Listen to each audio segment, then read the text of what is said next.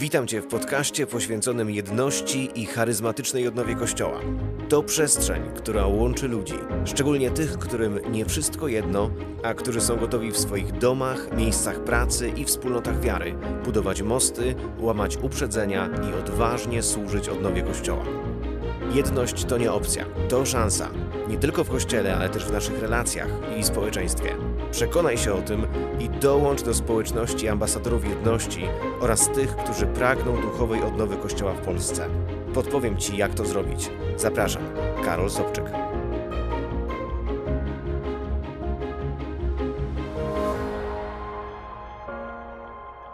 Kiedy wjeżdża się do miejscowości Kobiór, to na tabliczce jest taki, taki napis Mała gmina z wielkim sercem. I właśnie siedzę w domu profesora Olka Bańki, wykładowcy Uniwersytetu Śląskiego, filozofa, e, ale jednocześnie, mm, co muszę powiedzieć tak bardzo osobiście, osoby z niezwykle pokornym sercem i osoby, która swoją mądrością wnosi bardzo wiele do życia chrześcijańskiej rodziny w Polsce. I to dla mnie jest podwójny zaszczyt raz jako przyjechać do ciebie, Olku, jako do osoby, która jest fachowcem, jest ekspertem, jest osobą e, też takiego bardzo precyzyjnego języka, bardzo wyważoną, a jednocześnie bardzo odważną w różnych krokach.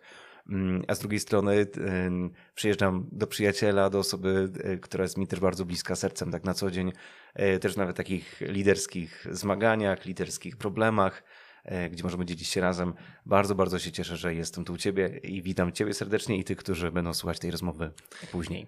To ja jestem bardzo wdzięczny. Dziękuję Ci za takie piękne wprowadzenie mnie i miejscowości Kobiór w obieg medialny. Dzięki bardzo. Ja też jestem wdzięczny i się ogromnie cieszę, że możemy się dzisiaj spotkać. Dzięki za wszystkie dobre słowa. Bardzo się cieszę. Olku, e, chciałbym z Tobą porozmawiać o, mm, o Kościele dzisiaj i odnowie Kościoła i dotknąć tematu synodu, w którym brałeś udział. Mm, ponieważ bardzo mi zależy e, w tym podcaście nie wszystko jedno, aby dotykać e, obszarów jedności, ale też właśnie mm, tego, co Duch Święty robi w Kościele i w jaki sposób Duch Święty wprowadza nowe rzeczy. Mm, I myślę, że ten temat, e, dla mnie ten temat synodu, synodalności, to jest taki temat, który w ogóle bardzo e, zaczął zmieniać moje spojrzenie na temat jedności. O tym będę chciał porozmawiać z Tobą w drugiej części, e, ale chcę zacząć od, od nomenklatury, dlatego że często, kiedy gdzieś przyjeżdżam albo gdzieś rozmawiam w tematach związanych z synodem i z synodalnością, to pojawia się problem terminologii i rozróżnienia tego, co pewne rzeczy znaczą. Mianowicie synodalność, droga synodalna i proces synodalny, mhm. trzy terminy. Każdy z nich, no właśnie, czy każdy z nich znaczy coś innego, czy znaczy to samo, jak ich, e, jak, w jaki sposób z nich korzystać, jak ich używać, w jakich kontekstach. Tak, one faktycznie znaczą co innego i warto je dobrze zrozumieć. Znaczy, oczywiście są do siebie, mają się bardzo do siebie i są e, tak zrelacjonowane do siebie, ale warto uchwycić, co one znaczą. I teraz tak, jeśli chodzi o synodalność, to jest, taki pojęcie, to jest takie pojęcie nowe, taki neologizm, który powstaje po Soborze Watykańskim II. On się tak naprawdę, e, znaczy stopniowo powstaje, ale dopiero tak naprawdę za czasów Franciszka używa się go tak intensywniej. E, I synodalność oznacza pewien styl czy sposób E, przeżywania synodu. Co to znaczy? To znaczy, że papież Franciszek, e, zresztą nie tylko on, zwraca uwagę, że synod e, nie jest tylko takim prostym zgromadzeniem ludzi, którzy mają się spotkać, coś przegadać i dojść do jakichś wniosków, tylko sam synod, już nie wchodząc w szczegóły i w rozmaite formy, że tak powiem, synodu, ale ma swoje zakorzenienie w bardzo starej, czcigodnej chrześcijańskiej tradycji. Pierwsze synody powstawały, czy miały, zaczęły się tak naprawdę w II wieku już. 170 chyba rok to jest, czy 69 jakoś, to jest pierwszy synod, który w Azji Mniejszej miał miejsce.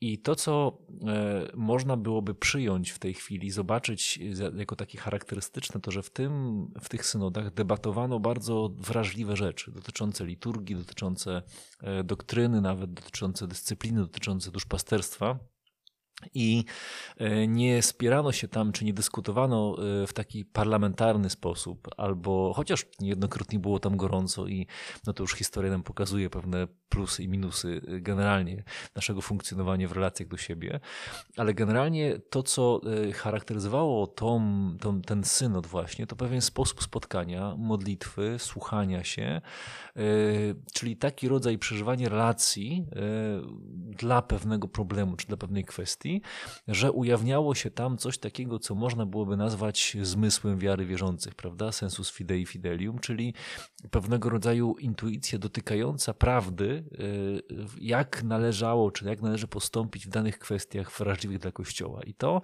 ta intuicja, to takie przekonanie, ono, ono się wyłaniało y, dzięki pewnemu stylowi spotkania. I to było organicznie związane z synodem. Różne oczywiście miało tam swoje e, zawirowania, ale ostatecznie e, synod charakteryzował się tym, że zwołuje się go właśnie po to, żeby, żeby dzięki temu pewnemu stylowi bycia kościołem, e, stylowi spotkania i dialogu, odsłoniło się właśnie coś istotnego, co będzie pomocne papieżowi w, podjęciu decyzji. I tym stylem spotkania, ten styl spotkania nazywamy synodalnością. Czyli to, to jest pewien sposób bycia kościołem co ma ten styl ciekawego czy charakterystycznego. No, gdybyśmy go tak y, wskazując palcem, tak deiktycznie definiowali, to wiedzielibyśmy, że to jest umiejętność słuchania, y, pewna otwartość, umiejętność dialogu, umiejętność przyjmowania krytyki, umiejętność przyjmowania kontrargumentów, y, umiejętność takiego empatyzowania trochę ze stanowiskiem drugiego człowieka, Czyli wszystko to, co składa się na pewną taką wrażliwość i na takie trochę kompetencje interpersonalne, ale jeśli są zanurzone, można powiedzieć, w Duchu Świętym, to jest to pewnego rodzaju no, sposób budowania relacji. To wszystko można by zamknąć w tym pojęciu sądalności. I teraz y, papież Franciszek uważa, że e, żeby to w pełni wydobyć, żeby w pełni uzyskać, to nie wystarcza e, synod, który e, zamkniemy tylko do mm, spotkania elity, czy tam powiedzmy tych właściwych, tworzących synod biskupów, czyli e, właśnie biskupów, tylko że ten głos biskupów powinien zostać jakoś uzupełniony też głosem maksymalnie szerokiej części kościoła. To dalej jest synod biskupów, ale w tym synodzie oprócz biskupów papież uważa, że powinni wziąć udział również świeccy, również prezbiterzy, również e, osoby duchowne w tym szerszym tego słowa znaczeniu. Czyli nawet e, chcę zaprosić do tego, do, tego, do tego doświadczenia także innych, nawet tych, którzy się do końca w kościele nie mieszczą, ponieważ ich e, powiedzmy głos z zewnątrz, jeśli nie jest agresywny i walczący, ale tak krytyczny, życzliwie krytyczny, tak bym to określił, może też wiele nam pokazać i pozwolić pewne kwestie tak przefiltrować z innej pozycji. I teraz, żeby to zrobić, żeby ten kościół w maksymalnie szerokim tego słowa znaczeniu włączyć w, w to doświadczenie, no to nie wystarczy do spotkania, tylko potrzeba przełożyć synod na pewien proces. Czyli na przykład rozciągnąć go na kilka lat, e, zorganizować w duchu e, kilku spotkań co najmniej i też e, odbyć te spotkania na różnych poziomach, czyli na poziomie kościoła lokalnego, na poziomie kontynentalnym, na poziomie rzymskim wreszcie. I to jest proces synodalny, który nam papież Franciszek zaproponował pod hasłem synodu o synodalności, czyli tego synodu, który obecnie przeżywamy, a dokładna jego nazwa brzmi e, ku Kościołowi synodalnemu, e, uczestnictwo Ojejku, zapomniałem teraz. Komunia, komunia, uczestnictwo, misja. Tak to było. E, umyka, umknęły mi te trzy, mhm. trzy słowa, nie? I teraz, i jeśli tak jest, to to, to jest właściwym synodem, który obecnie przeżywamy i to trzeba by odróżnić od tak zwanej drogi sądalnej, która z kolei jest e, pewną wersją niemiecką, która rozpoczęła się troszkę wcześniej. Otóż Kościół w Niemczech rozpoczął pewnego rodzaju, e, czy podjął pewną próbę reakcji na nadużycie seksualne, na poważny skandal z tym związany, który się tam rozwinął. I teraz szukając pewnego sposobu poradzenia sobie z tym, zaproponował pewnego rodzaju drogę, którą nazwał drogę synodalną, która jest oparta właśnie na pewnym sposobie e, takiego debatowania, tak bym to określił, świeckich y, i biskupów, gdzie ich głos liczy się równosilnie, gdzie pewne rzeczy przegłosowuje się w efekcie y, takiego wspólnego namysłu i że to, co jest przegłosowane, zostaje gdyby zaaprobowane, a więc jest tam silna demokratyzacja, jest tego taka pewna forma parlamentaryzmu e, i e, sposób w ogóle debatowania jest bardziej taki, powiedziałbym, socjologiczny niż teologiczny.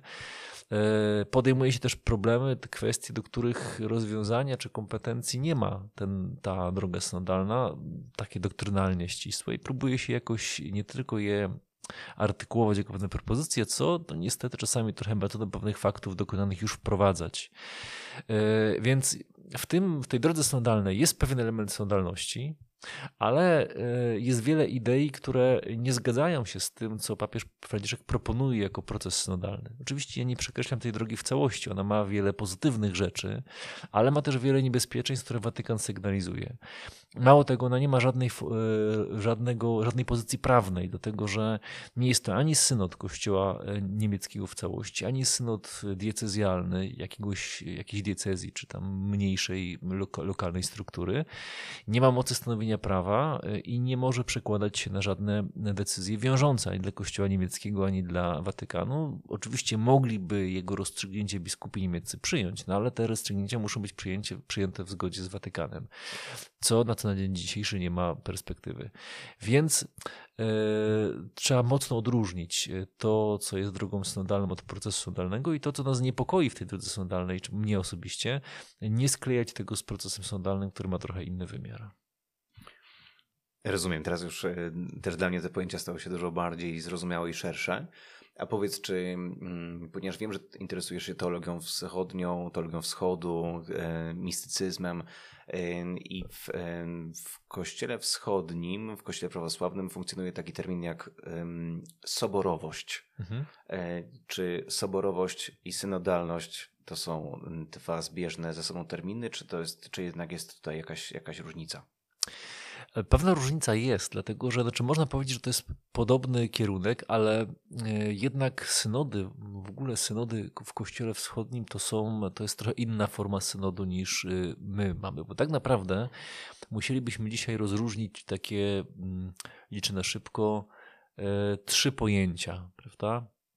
synod Kościoła, te, te, synody pierwotne, czyli ten pradawny synod, który miał miejsce lokalne, miał charakter lokalny, właściwie cztery pojęcia, już teraz na szybko liczę. Ten, ten właśnie lokalny, y, czcigodny, pradawny synod, y, który, do którego odwołuje się papież Franciszek, pokazując, że tam są korzenie. Prawda? I to jest ten synod, który nas inspiruje bardzo mocno, gdzie dzięki pewnemu typowi spotkań udało się e, no, przetrwać i, i, i prze, prze, prze, przejść przez bardzo trudny, burzliwy okres e, kościoła, gdzie się tworzyły zręby dogmatyczne, gdzie były, pojawiały się herezje, gdzie były, był tumult, zamieszanie. Ta synodalność pozwoliła przejść właśnie przez ten proces i to, to były te czcigodne synody stare, prawda, pierwotne. Potem mamy, czci, e, potem mamy synody kościołów wschodnich i to jest właśnie inna trochę rzeczywistość, ponieważ one mają charakter bardzo, tam są regularnie się odbywają często, one mają charakter głównie organizacyjny, taki można powiedzieć nawet zarządczy, więc tam nie, niewiele jest tego rozeznawania, tego, mm, tego ducha synodalności, który, e, który mm, ma towarzyszyć synodowi e, temu współcześnie zaproponowanemu przez papieża Franciszka.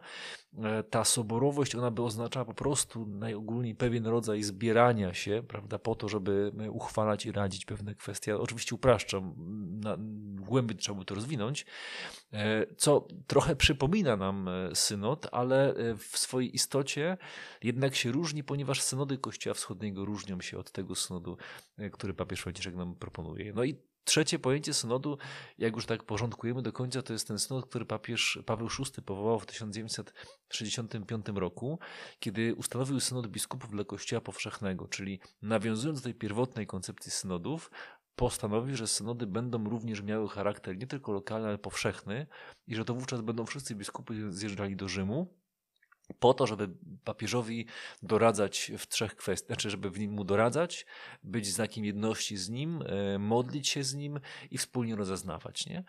E, no i to, są, to jest to, co aktualnie mamy, jeśli chodzi od, e, przez, po Soborze Watykańskim II, przez kolejnych papieży, takie synody w trybie zwyczajnym bądź nadzwyczajnym do, synodu, do Rzymu są powoływane. No i ostatnia kwestia to jest synod właśnie Franciszka, czyli to samo, ale rozciągnięte w proces. Okej, okay, to, to też, też już jest dla mnie szerzej zrozumiałe. To chciałbym Cię dopytać troszkę o sam synod, ten, w którym brałeś udział ponieważ mm, wpierw też mm, pierwszy raz długo przygotowywaliśmy się do tego synodu i na poziomie krajowym, na poziomie europejskim, czy w sensie kontynentalnym. Później miał miejsce już ten, ten właściwy, właściwy synod. Jeszcze było to spotkanie na Węgrzech, to było w ramach kontynentalnego, prawda? W, w Pradze. W Pradze, Pradze przepraszam. Tak, tak. Mhm. tak, w ramach e, kontynentalnej części, a później nastąpił e, wielki finał e, w Rzymie. Spędziłeś tam cztery tygodnie. Cztery tygodnie czasu. i jeszcze za rok kolejne cztery, bo on tak naprawdę domyka się dopiero w przyszłym roku. Nie? Także... I wtedy będzie jakiś dokument finalny, bo na razie jest taki mhm. dokument wstępny. Mm, Prawdop prawdopodobnie, bo tak to wygląda, że, e, że mm, po tej części pierwszej e, powstał pewien dokument roboczy. On jest teraz opiniowany i weryfikowany na poziomie episkopatów poszczególnych krajów i następnie ma wrócić do Rzymu i to będzie następnie podstawą do tego, żeby żeby wytworzyć taki instrumentum laboris na kolejną e, sesję synodu, czyli taki dokument roboczy na kolejną. Będziemy na nim pracowali, potem prawdopodobnie będzie podsumowanie, czyli znowu jakiś dokument finalny, a dopiero później papież, jeśli uzna to za stosowne, e, weźmie to i w zakresie, w jakim chce, wykorzysta dla adhortacji. Rozumiem. W samym synodzie, w tej, w tej części już międzynarodowej, tej, tej w Rzymie, która miała mhm. miejsce, uczestniczyło oczywiście poza papieżem Franciszkiem i biskupami też trochę osób spoza stricte hierarchicznej części kościoła. Mhm. I o tych osobach chciałbym Cię dopytać. Wiem, że uczestniczyłeś Ty i jeszcze jedna Polka ze Stanów Zjednoczonych, mhm. E, Julia. Tak. Julii nie pamiętam nazwiska, ale pamiętasz... Osenka, tak, Julia Osenka. Osenka, Julia Osenka. I to, co mnie ciekawi, to jest to, kto jeszcze poza e, kościołem hierarchicznym uczestniczył w synodzie. To znaczy, czy były tam jakieś osoby mm, no, wiadomo, że w tym momencie świeckie osoby. Mhm. Podejrzewam, że jacyś diakoni też, ale to też już mhm. osoby duchowne reprezentujące hierarchiczną część. Niemniej chodzi mi o to, w jakim kluczu te pozostałe osoby, jak mhm. sądzisz, były dobierane. Ty pojechałeś um, jako delegat um, europejski, mhm. ale um, to, co można byłoby, e, co mogłoby charakteryzować ciebie jako tą osobę, to jest, e, jesteś naukowcem, jesteś wykładowcą, mhm. masz funkcję profesora, mhm. którą pełnisz, i teraz pytanie jest takie, kto tam jeszcze był mhm. i w jakim kluczu zostały te osoby dobrane, jak sądzisz? Mhm. E, to jest troszkę tak, że były trzy no, może nie, nie liczmy od razu na początek. Były pewne, bo potem, potem się rachunki nie zgadzają, były pewne y, klucze do, klucza do, do doboru, tak? To znaczy każdy episkopat mógł y, wybrać swoją delegację i to była ta delegacja biskupów. Ja nie wiem do końca, czy pod taką, czy każdy episkopat miał takie samo, y, taką samą ilość biskupów do, do, do wybrania. Wydaje mi się, że nie, bo tu chodzi też pewnie o wielkość kościoła i więc te delegacje biskupów z różnych episkopatów były jakoś tam dobierane wedle klucza też pewnie liczebności czy wielkości y, krajów, które reprezentują, ale y, no, episkopaty miały swoje delegacje. Y, więc to jest pierwszy klucz. Drugi klucz to była indywidualna nominacja papieża Franciszka, czyli papież Franciszek mógł nominować sobie kogo chciał i zaprosić kogo chciał na synod. I tutaj na przykład taki, taką nominację miał e, kardynał Ryś, prawda, którego zaprosił papież e, osobiście na synod. I też inni jeszcze, tam była pewna pula osób tak zaproszonych. Na przykład chodzą też takie opinie, to jest bardzo ciekawe, był taki, taki na synodzie taki ksiądz, którego, który wcześniej przez e, parę miesięcy wysyłał papieżowi maile z taką jego surową krytyką, tak, czyli po prostu krytykując papieża wysyłał mu na skrzynkę mailową różne takie swoje pretensje, że ale no, taki odważny ksiądz i nie dostał odpowiedzi żadnych, aż w pewnym momencie przyszło indywidualne zaproszenie na synod od papieża Franciszka. Mhm. Także to było takie ciekawe, pokazujące, że papież nie boi się e, osób, które no, go krytykują, prawda? I po mhm. prostu zaprosił go na synod. Oczywiście to nie była tam krytyka jakaś agresywna, czy taka, e, nie tylko krytyka no, merytoryczna, po prostu nie zgadzał się z pewnymi jakimiś rzeczami i pisząc w takim duchu miłości, posłuszeństwa, jednak tą krytykę wysyłał. No więc papież zaprosił go na synod, prawda? E, kolejna, e, kolejna pula to były osoby z kurii rzymskiej i oczywiście z sekretariatu rzymskiego, czyli tam była jakaś też ustalona grupa osób, które w taki sposób w ten skład synodu weszły, na przykład kardynał Krajewski, prawda, był z, z tego ramienia, czy też kolejny Polak.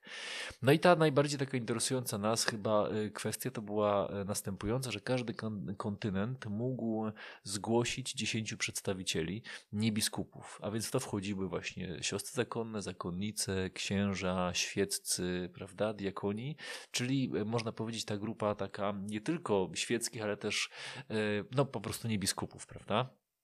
No i teraz z Europy e, zostało takich pięciu świeckich tak naprawdę i pięciu niebiskupów, czyli księży siostry zakonne i diakonów wydelegowanych. E, no i jak ta grupa powstawała i analogiczna, e, analogiczna sytuacja miała miejsce z innych kontynentów, czyli Julia na przykład, kiedy przyjechała, to reprezentowała w taki sposób Stany Zjednoczone, czy Amerykę tak naprawdę północną, prawda?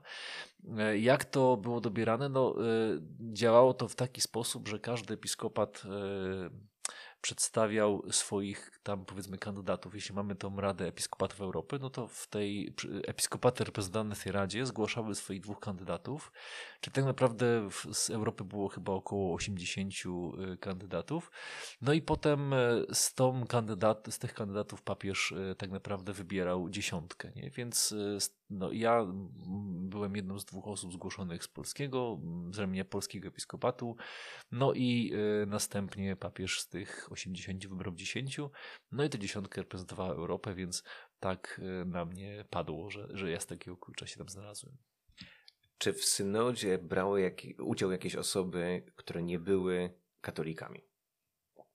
Tak, ponieważ poza tym gronem przedstawicieli była jeszcze taka grupa e, takich. E, e jak to określić po polsku, e, zaprzyjaźnionych czy braterskich delegatów, tak byśmy to określili może w języku polskim.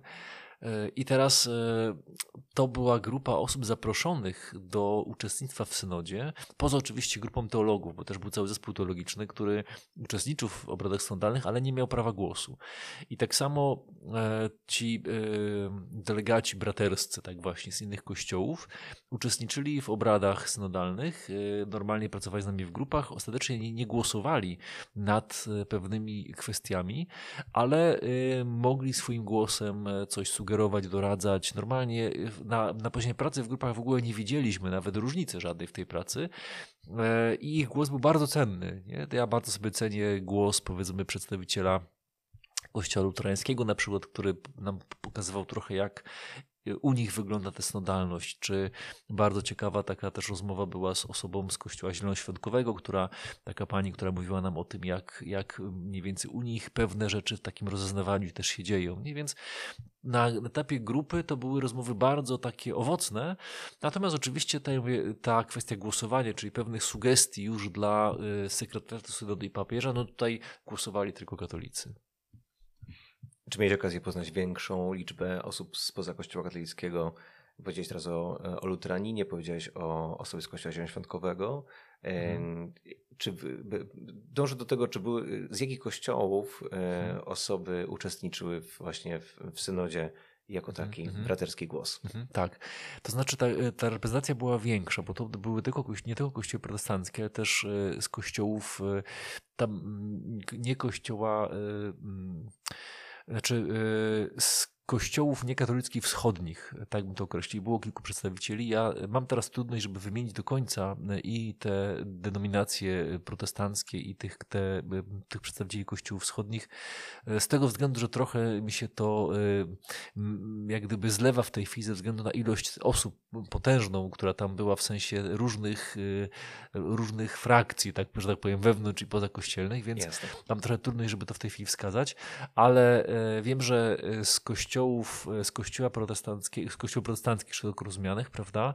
E, miałem, miałem kontakt z kilkoma osobami tak naprawdę, to, tam było kilka różnych denominacji, które były obecne i, e, no i mogę też powiedzieć, że były to bardzo takie, znaczy też bardzo sobie cenię tylko te rozmowy wewnątrz e, samych grup, rozznawania czy dzielenia się, ale nawet w kuluarach, nie? Więc, więc dużo tutaj było takich ciekawych rozmów i uwagi, bardzo taka życzliwa, dobra atmosfera też szacunku, e, takiej wzajemnej uważności.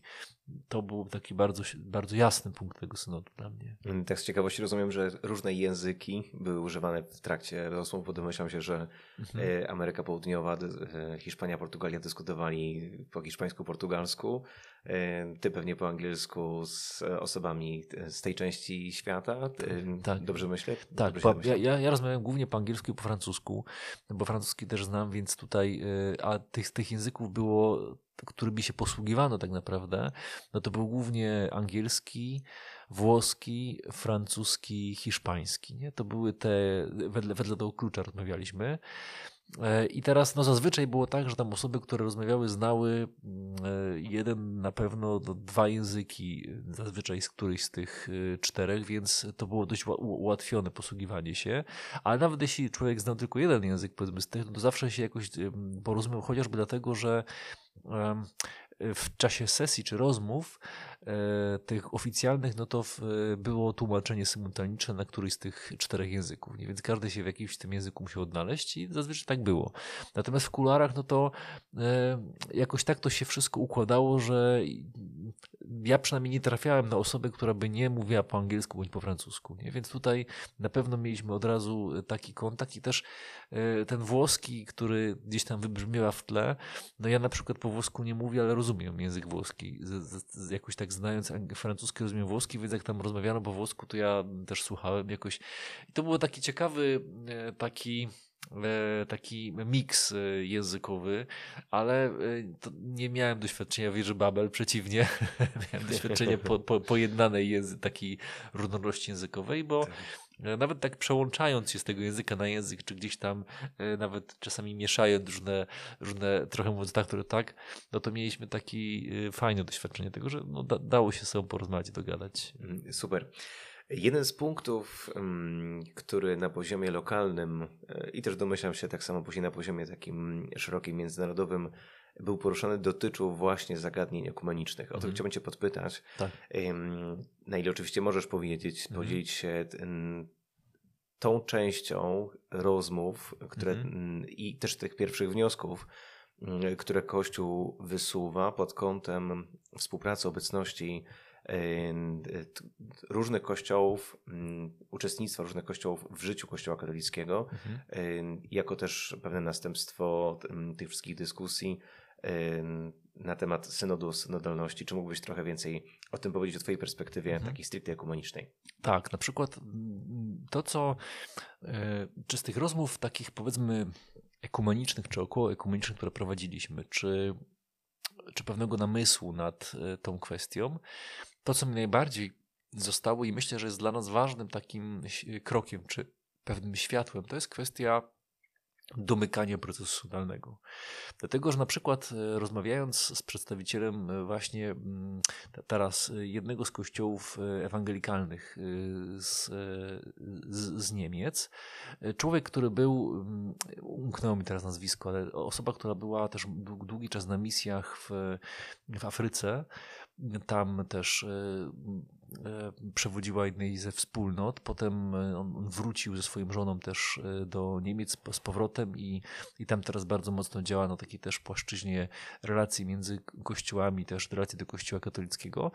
Opowiadał mi, że kiedy ich społeczność, czy ich społeczności zbierają się właśnie po to, żeby rozstrzygać pewne kwestie wrażliwe, to są wobec, często są wobec momentu, który E, który jest jak gdyby nieprzekraczalny. To znaczy e, spotykają się, decydują, jakoś rozpoznają swoje, swoje perspektywy i pozostają w pewnej odmienności. Nie? I w takim sensie, że donazywają sobie to, że no tutaj mamy różnicę między naszymi kościołami i potrafią to zrobić w takim duchu synodalnym, to znaczy bez y, jakiejś agresji, bez złości, bez, no po prostu ustalamy tak dokładnie, jak nam synod pozwala, prawda? Ta, ta, znaczy ten, ten duch synodalny, taki, że tutaj nam jest blisko do siebie, to się różnimy, ale mówi na przykład o tym, że to jest dla niego istotne, że ten stan czasami trwa latami, ponieważ no nie są w stanie zrobić kroku dalej. Nie? To znaczy, spotykając się raz za razem, rozpoznają, że, ich, ich, ich,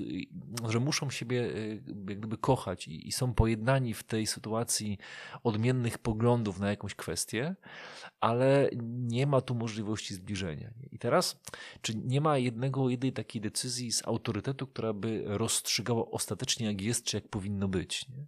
Dlatego e, w, w perspektywie Kościoła katolickiego oni sami zwracają uwagę na to, że tu jest dla nich niezwykle interesująca i ważna rola papieża, nie? który jednak jednak w tym procesie synodalnym będzie miał y, jakoś ostateczny głos.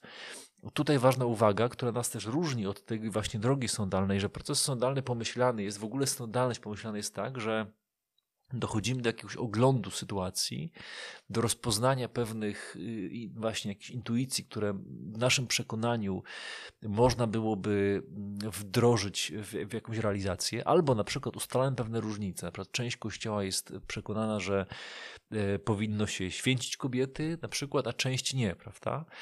Ale nie głosujemy tego e, po to, żeby rozstrzygnąć, że tak powinno być. Nie? Możemy głosować po to, żeby sprawdzić, jak się ten nasz pogląd rozkłada. Na przykład, nie wiem, jedna trzecia, dwóch trzecich, ale nie ma to żadnej mocy rozstrzygającej. I teraz na poziomie, jeśli by tak, taką analogię przeprowadzić do kościołów właśnie ewangelikalnych, tak jak on mi, ten mój znajomy synodalny mówił, no to e, tam zostają na takim, na takim rozstrzygnięciu i nie da się zrobić żadnego kroku dalej, poza tym, że no idziemy w tej różnicy, czekając, co nam historia i czas przyniesie.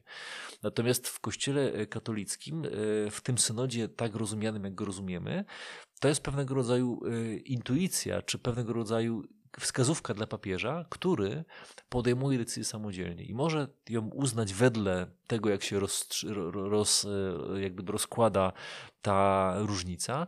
Może podjąć swoją autonomiczną decyzję, może żadnej decyzji nie podejmować, ale głos wiążący ma papież.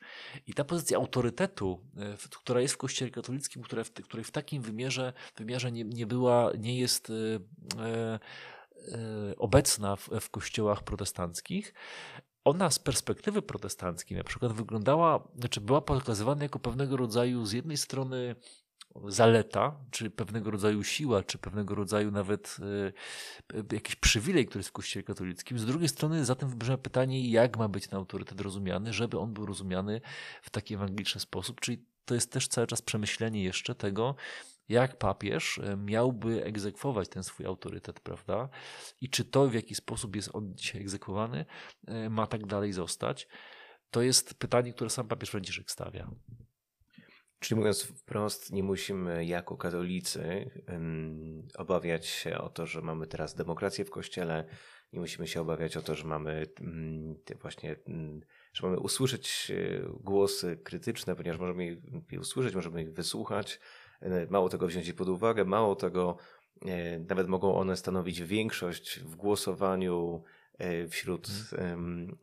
wszystkich zebranych podczas synodu, ale ostateczną decyzję i tak podejmuje papież co do decyzji, w jaką stronę pójdzie Kościół i niekoniecznie musi posłuchać nawet większości tych, którzy są zgromadzeni. Dok dokładnie tak jest. Mógłby na nawet całe, teoretycznie całe obrady sądalne, wszystkie dokumenty wrzucić do kosza. Nie? To, tak, to, tak to po prostu działa. To ja mam do Ciebie takie pytanie, nie wiem, czy Ty o tym możesz powiedzieć, ponieważ nie, nie znam zasad dotyczących mhm. E, tego, czy są pewne rzeczy, o których e, nie powinno się mówić na ten moment.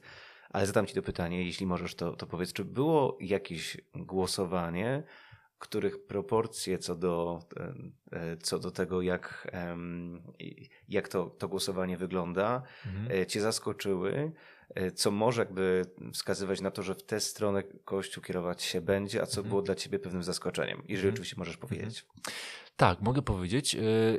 Powiem o głosowaniu na poziomie małej grupy, bo, pamiętaj, bo tak naprawdę w tych głosowaniach, które były głosowaniami finalnymi na, na forum całego, było niewiele głosowań. Było kilka głosowań, które tak naprawdę były głosowaniami nad ostatecznym dokumentem. I te głosowania tak naprawdę nie wykazywały dużych różnic głosowych, czyli dokument był przyjmowany taką dużą, wręcz przytłaczającą większością głosów, paragraf po paragrafie, bo mówimy o tym, że tutaj były głosowane pewne paragrafy tego dokumentu. Dlaczego? Dlatego, że wcześniej on był już bardzo mocno przewałkowany na poziomie grup, prawda? Więc on jest efektem pewnego, pewnego konsensusu, pewnego rozeznawania i bardziej e, głosowania, jeśli były, to były na poziomie grup, z których pewne propozycje do tego dokumentu wychodziły, prawda? I potem teologowie nad tym dokumentem pracowali. Właściwie jedna rzecz, która chyba tam e, mocniej wybrzmiała, ale to też nie było takie, taka duża różnica. To była kwestia tego, czy pewne kwestie, znaczy inaczej, to było, była sugestia, że e, problem podejmowania przez Kościół rozstrzygnięć doktrynalnych na poziomie mm, mm, kościołów lokalnych powinien być zbadany bardziej uważnie przez, przez E, komisję teologiczną. Nie? To znaczy, ja teraz to własnymi słowami opisuję, być może tutaj coś, znaczy oddaję ducha, nie, nie istotę, ale chodzi o to, żeby zobaczyć na jakim poziomie e, kościoły lokalne mogą e, podejmować decyzje wchodzące jakoś w obszar doktryny, prawda? E, pamiętajmy też, że to nie chodzi o zmianę dogmatów, tylko doktryna ma to takie swoje ciało miękkie, prawda, które może ewoluować i taki twardy rdzeń, który jest nietykalny, prawda, więc to o to ciało miękkie chodziło. E, I tutaj nie była dyskusja, czy to mo może mieć miejsce, czy nie, tylko czy teologowie w ogóle powinni to sprawdzić, czy badać. O ile dobrze pamiętam, tak to mniej więcej wychodziło. I tutaj e, uznano, że tak, to trzeba zbadać, chociaż była pewna grupa asekurująca się w takim sensie, że to właściwie temat jest taki, no, nie powinien być jakoś podejmowany szerzej. Nie? To tak tylko po, po, pokazuje jeśli dobrze pamiętam, to była jedna kwestia, która gdzieś jakiemuś takiemu bardziej zdywersyfikowanemu głosowaniu podpadła. Natomiast reszta głosów była właściwie już bardzo taka e, jednoznaczna. Natomiast na poziomie e, tych grup e, małych, tam były pewne głosowania i tu o jednym powiem takim może ciekawszym. Myśmy w ogóle w tych małych grupach, grupy się zmieniały, czyli ja cztery razy zmieniłem grupę, prawda? To jest też charakterystyczne, że te grupy były dobierane językowo i potem językowo i problemowo, wedle problemów, które nas interesowały. E, cała jedna grupa była poświęcona ekumenizmowi na przykład, e, kwestiom ekumenicznym. E, I, I teraz e, te grupy się zmieniały, i na przykład w mojej grupie było takie jedno głosowanie już potem przy końcowych kwestiach, gdzie wszyscy głosowaliśmy podobne tematy i analizowaliśmy. I to było jedno głosowanie, które pamiętam, ponieważ zasadniczo myśmy nie głosowali, dlatego że dochodziliśmy do takiego, na, na poziomie tych, tego synodalnego sposobu rozeznawania, tej rozmowy w duchu, jak mówi papież Franciszek, dochodziliśmy do pewnego konsensusu, gdzie właściwie głosowanie nie było potrzebne, więc było formalnym podniesieniem ręki, gdzie się właściwie wszyscy zgadzali na, na wersję, którą sobie wspólnie ustaliliśmy. Ale była jedna kwestia dotycząca, e, i to też proszę zwróćcie uwagę, to jest ciekawe bardzo, że w tym dokumencie końcowym, e, znaczy tym końcowym przejściowym, który mamy, nie ma sformułowania, nie ma nigdzie odniesienia wprost do, wprost do czy nigdzie nie pojawia się skrót LGBTQ+, prawda? Otóż w finalnej, w pierwotnej wersji ten skrót się pojawił, pojawił się w dwóch miejscach jako odzwierciedlenie dyskusji, która gdzieś się pojawiła w, w toku e, tej, tego naszego procesu sądalnego, nie jako wiodący temat, ale gdzieś tam e, w, między innymi ta kwestia wybrzmiała, no, pytanie o, o duszpasterską troskę nad tymi osobami. Więc od razu też powiem, nie było tak, jak wszyscy uważali, że to, będziemy, to będzie korowa kwestia synodu. Nie, absolutnie nie. Synod postępował wedle swojego planu, a to gdzieś tam wybrzmiało, no przy okazji innych spraw.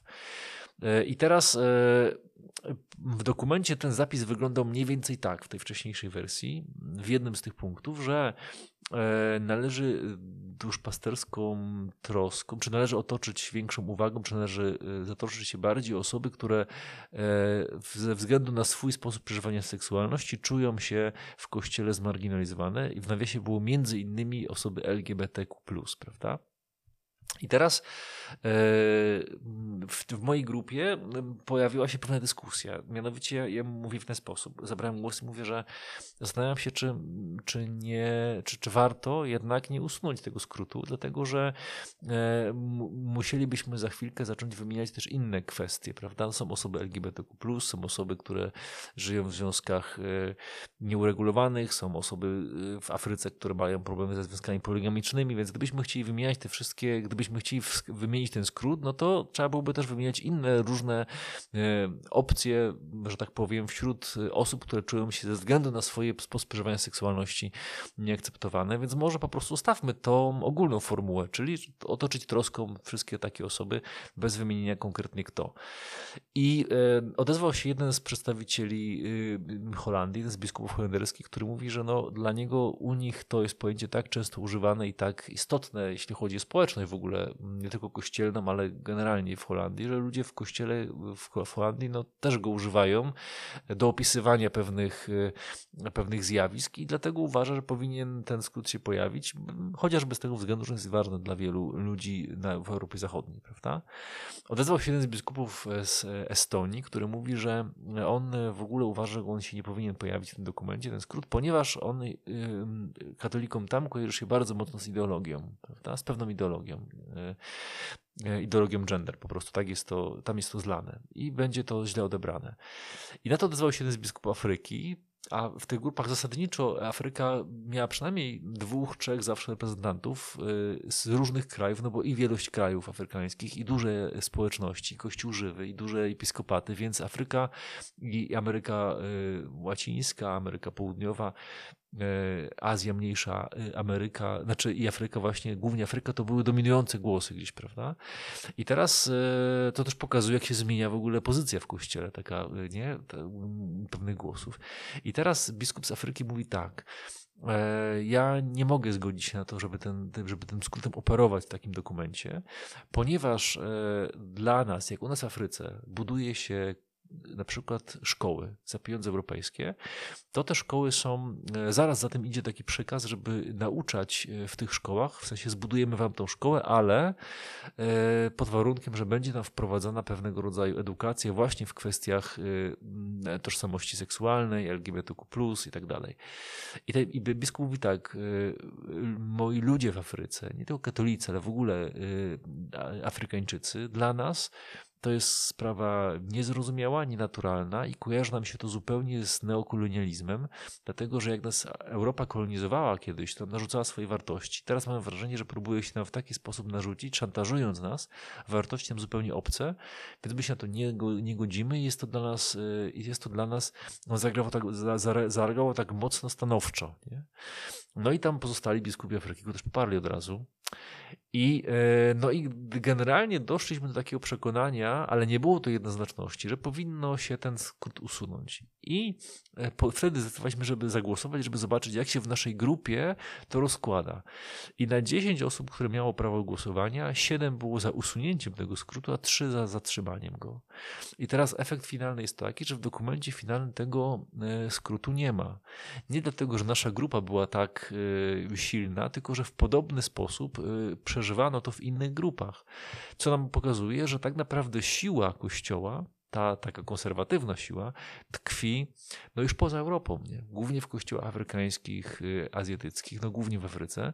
I oni oczywiście mają swoje, mają swoje y, priorytety, prawda? I swoje problemy. Na przykład poligamia jest ich problemem. I teraz jeszcze jedna ciekawa rzecz. Y, w tym dokumencie, w tej pierwotnej wersji również pojawia się właśnie kwestia poligami, że należy towarzyszyć, że episkopaty, że wzywa się, czy zaprasza się, zachęca episkopaty Afryki aby z większą troską otaczały i przyglądały się towarzyszą osobom żyjącym w związkach poligamicznych. O co chodzi? Chodzi o to, że na przykład jak się nawraca cała chrześcijańska rodzina, to często oni się nawracają e, na chrześcijaństwo, ale tam już jest powiedzmy siedem żon, prawda? I teraz co ten mężczyzna ma zrobić z tym, e, z tym dobrodziejstwem, prawda? Z, z tym z tym nadmiarem. Kogo oddalić? No przecież nie może oddalić, bo wszystkie są równe, prawda? I teraz e, dopiero można wychodzić następne pokolenie, które będzie wychodziło z tych rodzin, które już będzie wchodziło w związki monogamiczne, a nie poligamiczne, nie? Ale ten okres przejściowy jakoś trzeba zaopiekować. I teraz znowu dyskutowaliśmy o tym, czy to ten, ten, tą kwestię poligamy w ten dokument włączać, prawda? Skoro no, e, po co, skoro inne, e, że tak powiem, mniejszości nie zostały włączone, powiedzmy, nie? Czy takie sytuacje szczegółowe. I to się okazuje, w tym dokumencie końcowym ten, doku, ten zapis pozostał, tak? Czyli pozostał, ponieważ dla episkopatów Afryki on jest ważny, w ogóle y, nie, no a e, episkopaty Afryki tu miały, można powiedzieć, większą siłę, nie?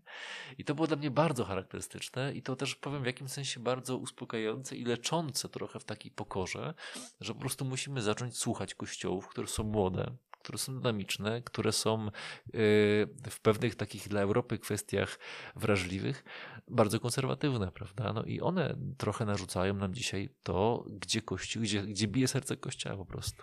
Tak, bo do tej pory Kościół katolicki był, był właściwie zachodniocentryczny, nie? Tak, Wszystko tak. się kręciło wpierw, można powiedzieć, wokół Rzymu, później wokół Europy a dopiero teraz zaczynamy być mm, bardziej uważni i otwarci na to, żeby usłyszeć inne głosy.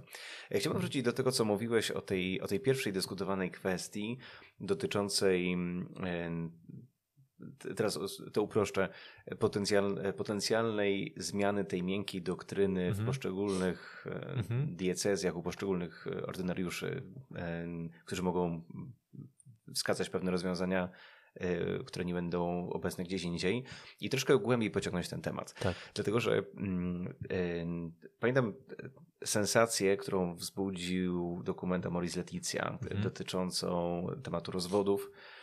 Y, teraz, teraz mamy kolejny dokument, w którym jest mowa o błogosławieństwie, w tym też dotykamy, dotykamy błogosławieństw, błogosławieństwa par homoseksualnych, który też jest bardzo, bardzo, jak razem wiemy, mhm. nie, trudnym, sensacy, sensacyjno-twórczym, mhm. sensacyjno-twórczym tak. i, e, i jednocześnie myślę, że też rodzi wiele nieporozumień, tak. wiele też wątpliwości, które episkopaty czy to właśnie Afryki, mhm. czy słyszałem, że też nawet Holandii, e, mhm. Hiszpanii, mają pewne wątpliwości co do niego, wyrażają też, e, też wątpliwości. Mm, natomiast nawet nie chcę się skupiać tyle na treściach tych dokumentów, mhm. co chciałbym porozmawiać e, z Tobą jeszcze w ostatniej części, czy w, ostatnim, e, w ostatnich minutach tej rozmowy, w temacie tego, czy nie masz takiego wrażenia mm, z perspektywy pontyfikatu papieża Franciszka, że to, że to na jaki kierunek wprowadza on Kościół, że to jest taki kierunek przechodzenia z takiego kościoła bardzo mocno skupionego na doktrynie do takiego kościoła, który staje się kościołem bardzo pasterskim i takim towarzyszącym osobom w poszczególnych problemach. Mm, co z jednej strony stanowi pewnego rodzaju szansę usłyszenia tego, co do tej pory było niesłyszane w kościele, ale z drugiej strony wprowadza nas w takie duże ryzyko relatywizacji czegoś, mhm. co do tej pory było bardzo, bardzo jasne. Jak w ogóle patrzysz na ten proces? Jak patrzysz mhm. na, ten, na tę sprawę? E, o to więcej bym chciał jeszcze za chwilkę zagadnąć Ciebie. Mhm. Tak, to znaczy to jest e, złożona sprawa i ona wymaga wielkiej takiej ostrożności, mądrości, pewnego namysłu, dlatego że na pewno jeśli spojrzymy na doktrynę Kościoła, to ona się zmienia. Prawda? I tutaj nie możemy powiedzieć, że nie. To jest kwestia podejścia do wielu kwestii, do niewolnictwa, do wolności słowa, do sytuacji kobiet, do, do, ekumenizmu. do, do ekumenizmu, prawda? Więc to nie jest tak, że się doktryna nie zmienia. Ona się zmienia, Oczywiście w doktrynie są takie, można powiedzieć, twarde kamienie węgielne, które czasami są od samego niemal początku nam znane i donazwane dogmaty, a czasami w pewnym momencie papież musi dojść do pewnego rozstrzygnięcia ex cathedra, prawda? Jeśli już mamy sytuację, której i być może takie rozstrzygnięcia zapadną, tak? To znaczy, jeśli właśnie będziemy ten moment mieli, w którym idziemy razem i nie jesteśmy w stanie zrobić kroku do przodu, w sensie zbliżyć się w pewnych kwestiach wewnątrz kościoła, prawda? Na przykład właśnie, czy można kobiety święcić, czy nie. Oczywiście podaję to jako taki przykład, który może nie jest najlepszy, bo ta kwestia raczej jest na dzień dzisiejszy zamknięta, przynajmniej tak mamy to dookreślone i się na to nie zanosi na żadne święcenia kobiet w kościele. Natomiast dyskutuje się nad poszerzeniem tego zaangażowania czy włączenia kobiety, kobiet w kwestię ewangelizacji duszpasterstwa, no i to jest jak najbardziej słuszne i, i bardzo, bardzo cenne. Natomiast mówię o tym dlatego, że Kościół ma ten moment, to, to narzędzie, że kiedy korzysta z niego bardzo ostrożnie, że w pewnych momentach, y, jak już trzeba pewne rozstrzygnięcia przyjąć, podjąć, to papież ma władzę je zrobić. Prawda? I to jest ten moment y, takiego bezpiecznika i pewnej, pewnej decyzji, którą, którą, e, którą papież w swoim autorytecie dysponuje. E, wierzymy, że to jest z Ducha Świętego właśnie. Natomiast e, są też takie kwestie, e, w których no, Kościół może zmieniać swoje stanowisko. I teraz pytanie jest takie, czy, bo co do kwestii czy rozstrzygi duszpasterskich, tu nie ma wątpliwości, że należy, że można je adaptować lokalnie i mamy wiele różnych rozwiązań duszpasterskich w różnych częściach Kościoła. Natomiast jest pytanie, czy w tej miękkiej kwestii doktrynalnej można podejmować jakieś decyzje na poziomie kościołów lokalnych. I teraz e, taka, taka tendencja e, na pewno występuje w kościele niemieckim. To znaczy, e, zresztą ta, ten pomysł o tym, żeby, żeby ze względu na specyfikę kulturową i, i taką powiedzmy właśnie lokalną jakąś, żeby pewne rozstrzygnięcia podejmować na, na poziomach lokalnych. I y, tak jak to zostało gdzieś wybrzmia, wybrzmiało przy okazji różnych rozmów nad sprawowaniem władzy generalnie w Kościele, bo to był ten temat y, władza, on był podejmowany, sprawowanie władzy w Kościele na, na synodzie, to gdzieś tam wybrzmiało i od razu mogę powiedzieć, że spotkało się to z dużym oporem. To znaczy, że y, uznano, że doktryna może gdzieś się zmieniać, ale że takie rozstrzygnięcia powinny być na poziomie Kościoła powszechnego, a nie lokalnego. Niemniej, ponieważ ta kwestia wybrzmiała w dyskusji i Niemcy ją jakoś podnosili, no to e, przekazuje się to do naszej analizy teologicznej, żeby ją lepiej rozpoznać. Nie? Natomiast e, o, o, co chodzi? Chodzi o to, że e, nie spodziewając się specjalnie możliwości zmiany doktryny na poziomie lokalnym, widzimy, że papież Franciszek pokazuje, że sytuacje duszpasterskie powodują czasami, że, że podejście w kościele do osób musi e, nieco bardziej uwzględniać e, wyjątkowość i pewnego rodzaju zróżnicowanie ich sytuacji życiowej, którą czasami w kościele zamykaliśmy w jednym stwierdzeniu, na przykład cudzołożnik, prawda? Otóż e, ta kwestia cudzołóstwa, czyli, czyli życia w związku niesakramentalnym, no to była kwestia, którą właściwie jednym słowem zamykaliśmy, w jednym słowie zamykaliśmy mnóstwo rozmaitych sytuacji, prawda? I te sytuacje z, z, czasem się jeszcze bardziej dywersyfikują, bo dzisiaj widzimy, jak bardzo rozmaite konteksty powiązania mogą łączyć ludzi, dwoje ludzi żyjących ze sobą. I nagle się okazuje też, że nie zawsze to jest ich wina.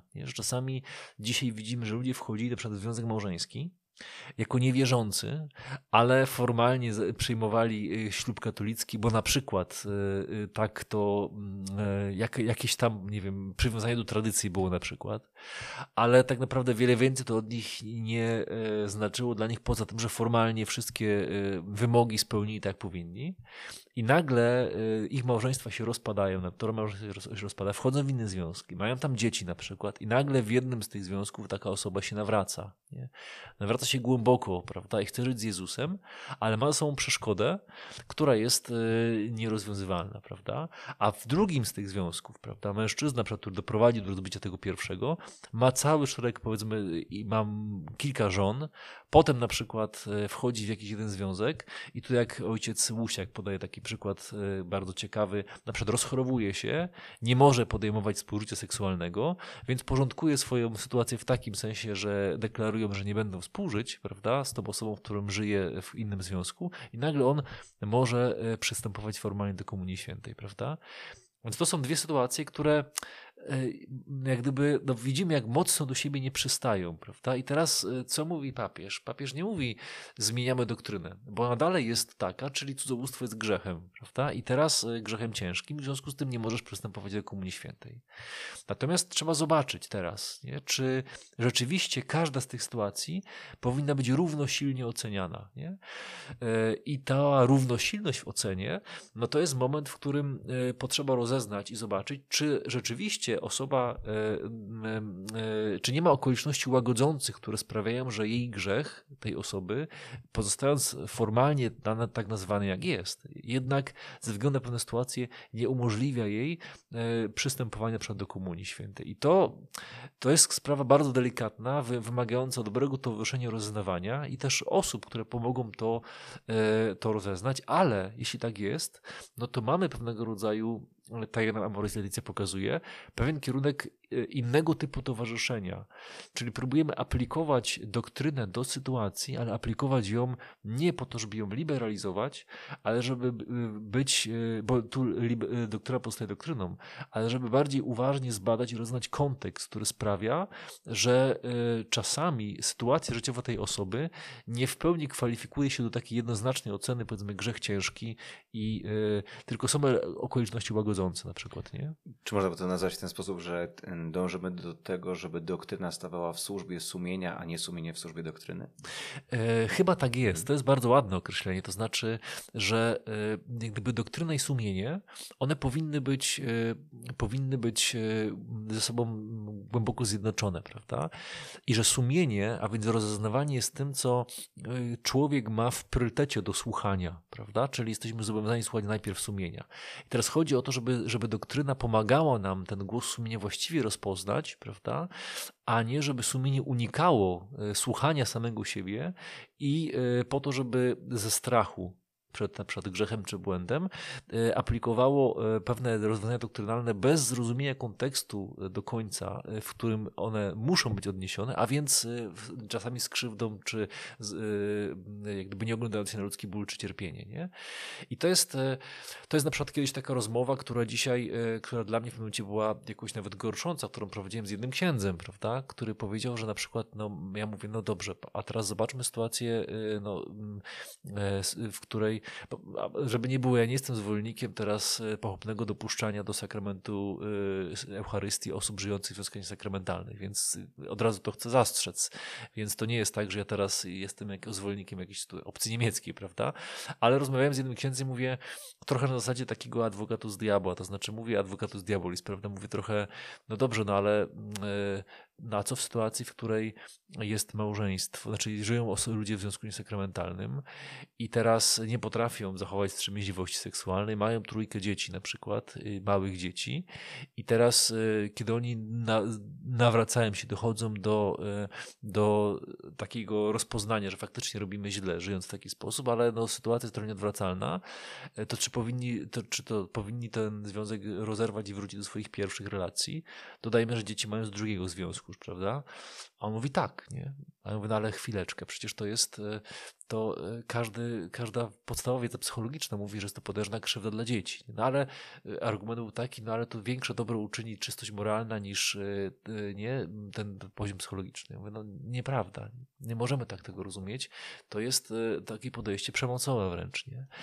No to podaję tego jako przykład. Oczywiście, żeby nie było, że to stanowisko wszystkich księży, bo rozmawiałem z wieloma osobami na ten temat, prawda, przy okazji różnych dyskusji i tylko jeden z prezbiterów miał tak radykalne podejście, które dla mnie w tym momencie jest podejściem no, pokazującym jednak e, pewną, e, e, pewien brak taki, takiego rozpoznania w ogóle w jakim momencie moralnym, nie tylko i psychologicznym jesteśmy, próbując zrozumieć, jak Kościół naucza, jak Kościół chce zaopiekować te osoby, w których, które są w takich sytuacjach. I teraz to, to jest właśnie ta, ta, ta, ten wymóg duszpasterskiej takiej otwartości pewnej. No właśnie, bo to, co mnie mm, intryguje i to już będzie ostatnia, ostatnia kwestia, to jest to, czy, czy można byłoby w pewnym uproszczeniu powiedzieć, że coś, co dawniej zawsze nazywaliśmy grzechem i było to bardzo jednoznaczne, y, dzisiaj zaczynamy jako Kościół dostrzegać, że, mm, że nie tylko patrzymy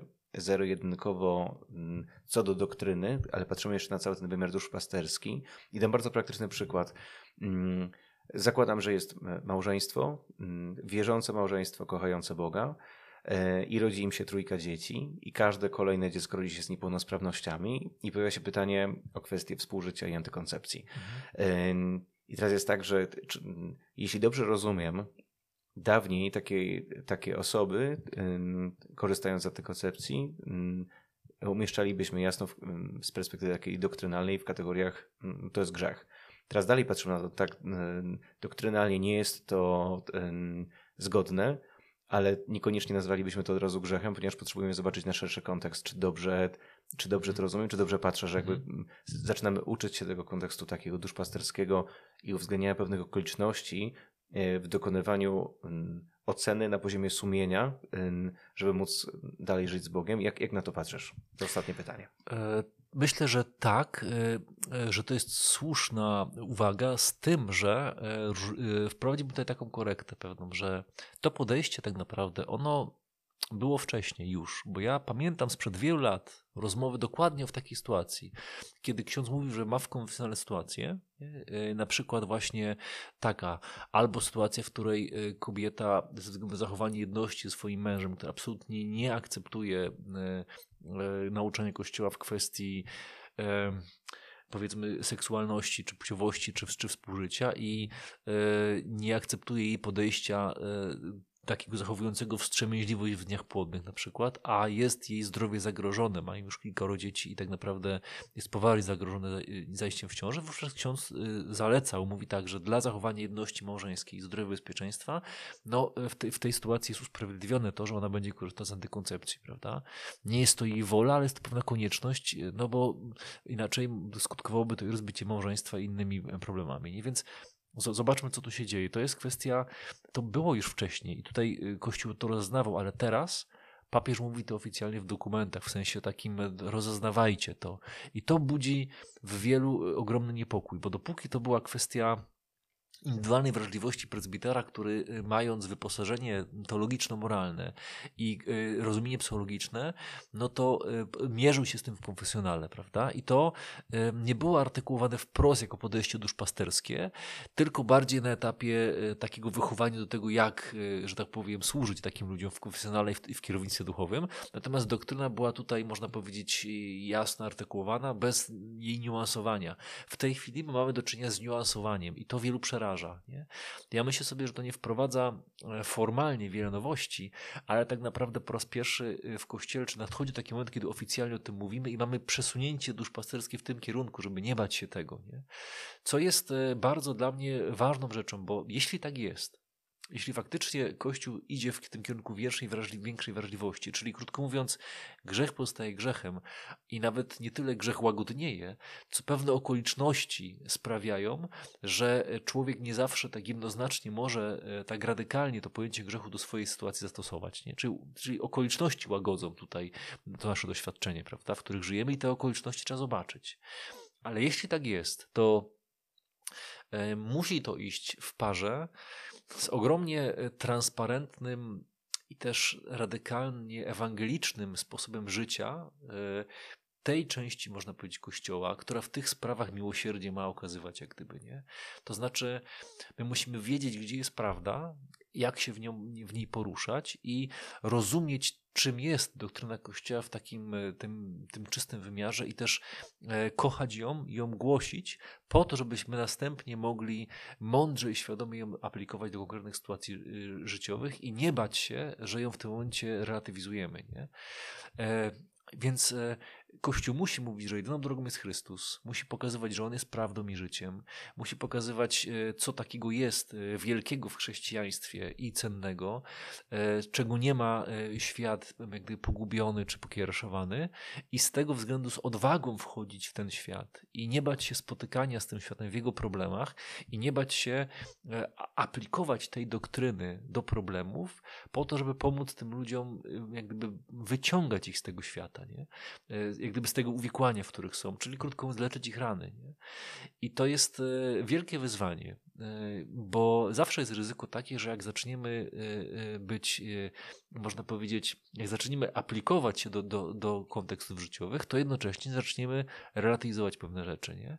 Dlatego my nie możemy relatywizować pewnych rzeczy i tu trzeba być mocno w kościele, w Ewangelii, w Słowie, w doktrynie, żeby spokojnie móc aplikować z czystym sercem. Wiemy jak jest, prawda, jak powinno być, a jednocześnie mamy wrażliwość na tych, którzy z różnych względów nie są w stanie tak żyć, potrzebują Kościoła i chcą się do niego przytulić. No i teraz musimy im dać tą przestrzeń, zwłaszcza czasami e, droga pełnego życia Ewangelią dla tych ludzi e, to jest efekt procesu tego przytulenia i tego, że mogą wchodzić w kościół e, nie od razu, nie zawsze od razu tak radykalnie, jak, jak byśmy chcieli. Nie? Czyli krótko mówiąc, czasami to pełnia doktrynalnej takiej czystości, co jest punktem dojścia, nie wyjścia. Olku, bardzo dziękuję za rozmowę. Bardzo się cieszę, że mogłem być tu razem z Tobą. Mega, mega ciekawe są te dyskusje. Chętnie z Tobą kiedyś pokontynuuję te wątki. Ten ostatni to jest bardzo, bardzo intrygujący. Niech Bóg błogosławi temu wszystkiemu, co robisz i bardzo dziękuję za ten, za ten wspólny czas. Dzięki, ja również bardzo dziękuję. Również wiele, wiele błogosławieństwa dla Ciebie i dla całej Twojej posługi. Dzięki.